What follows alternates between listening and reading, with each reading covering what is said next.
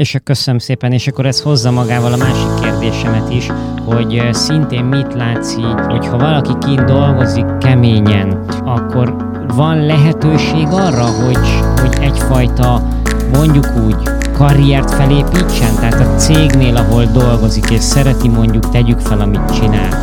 Ha ott, ha ott a vezetés látja azt, hogy, hogy oké, okay, magyar vagy, de keményen dolgozol, tanulod mondjuk a nyelvet is mellette, akkor, akkor van lehetőséged arra, hogy jussál picit előrébb, vagy 5, 6, 7, 8, 10 évig ugyanabban a pozícióban dolgoznak jellemzően az emberek? Itt megint kétfelé a, a, a dolog, mert aki a nyelvtudását fejleszti, az előre is tud menni. Tehát tud cégen belül is előre menni, és ezt látják is, és, és adnak is neki lehetőséget, és akkor mondjuk képzésekre, meg ilyenekre küldik, amit kötelezően előírnak egyébként, de cég fizeti, és már látják azt, hogy hát ez egy nagy igazság, egy régi nagy igazság, hogy mindig arra papol, mindig arra a lóra papolnak, amelyik húz, tehát továbbra is sokat fog dolgozni, viszont van előre meneteli lehetősége. És ez meg is kapja a támogatást. Tehát én azt szeretem, én nagyon szeretek az osztrákok között élni egyébként, mert én kezdettől fogva azt láttam, hogy a dolgozó embert megbecsülik.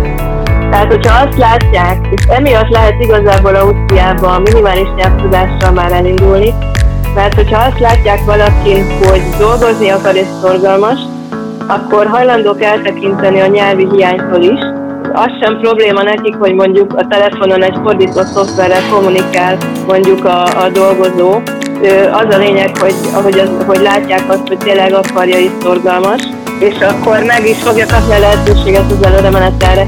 Viszont van a másik oldal, hogy nagyon sok olyan ö, magyart látok, akik már itt vannak 8-10 éve. Ugye, amikor kijöttek, nem volt nyelvtudás, és elmentek ilyen üzemekbe, ilyen gyárakba dolgozni, és sok-sok éve ott dolgoznak. Most ebben mindig az a hátulütő, hogy aki nyelvtudás nélkül megy el dolgozni valahova, az csupa olyan ember között fog dolgozni, aki szintén nem tud németül, mert hogyha tudna, akkor nem dolgozna ott. Ez a csapda az egészben, hogy onnan akkor fog tudni tovább lépni, mert ott nem fog megtanulni németül, soha nem fog tudni megtanulni németül egy ilyen közegbe, mert csupa olyan ember között dolgozom, akik szintén nem tudnak sokkal többet németül nálam, mondjuk a csoportvezető vagy a közvetlen főnököm az valószínűleg jól tud németül, vagy lehet, hogy ő osztrák lesz, de egyébként a többiek nem. Egy ilyen közegben én nem tudom fejleszteni a német nyelvtudásomat, tehát muszáj, és ez az, ami iszonyatosan nehéz, hogy fizikai szektorba tudok elmenni dolgozni, tehát a blue collar szektorba,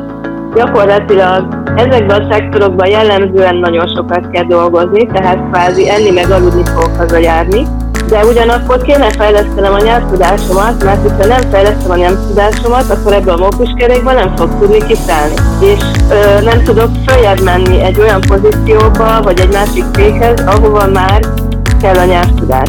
Ez a csapda ebbe, hogy látok embereket, akik akár 6-8-10 éve ugyanabba, ugyanott dolgoznak, és még mindig nem tudnak két mondatnál többet németül.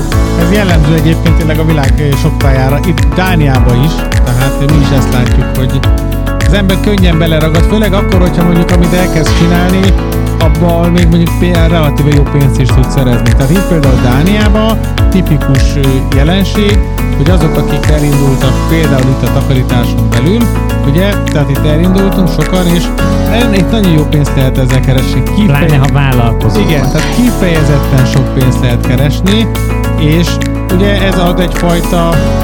Nem szúr a szög. Nem igen, nem szúr annyira a szög érzést, az ember olyan közegben mozog a takarítók jellemzően, hogy ott sem használják a dán nyelvet, és ebből kifolyólag ugye az ember egy kicsit bele tud csúszni ebbe a, a gödörbe, hogy oké, okay, jön, a pénz, jön a pénz, jó a pénz, meg sok minden megengedhetek magamnak, és itt most nem csak arra gondolok, hogy hogy jó kajákat tudok venni, hanem akár ingatlan tudok venni magamnak, akár szép autót, el tudok menni évente kétszer-háromszor, akár négyszer is nyaralni, hogyha azt akarom, viszont benne vagyok ebben a verkében. És sok is a haver a gödör alján, úgyhogy, úgyhogy jól érzi magát Igen. az ember, itt egy jó kocsma. Igen. Érdekes jelenség. Igen, és ez, ez tipikus helyzet egyébként.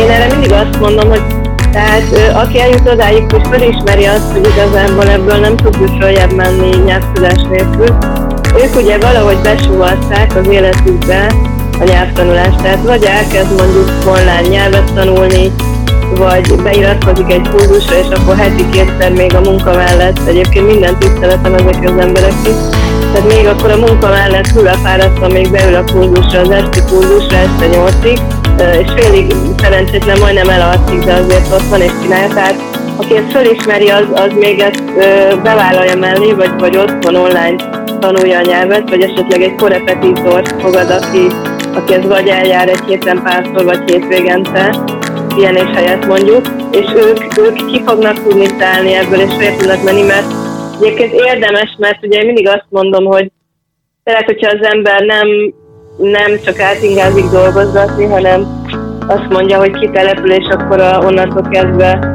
ott képzeli el tovább az életét, egészen ugye a nyugdíjas koráig, meg azon túl is, akkor muszáj neki arra gondolni, hogy hogy az évek előre haladtával ő nem biztos, hogy azt a fajta fizikai munkát, amit csinál, el fogja tudni végezni mondjuk 20 év múlva is, vagy 10 év múlva is.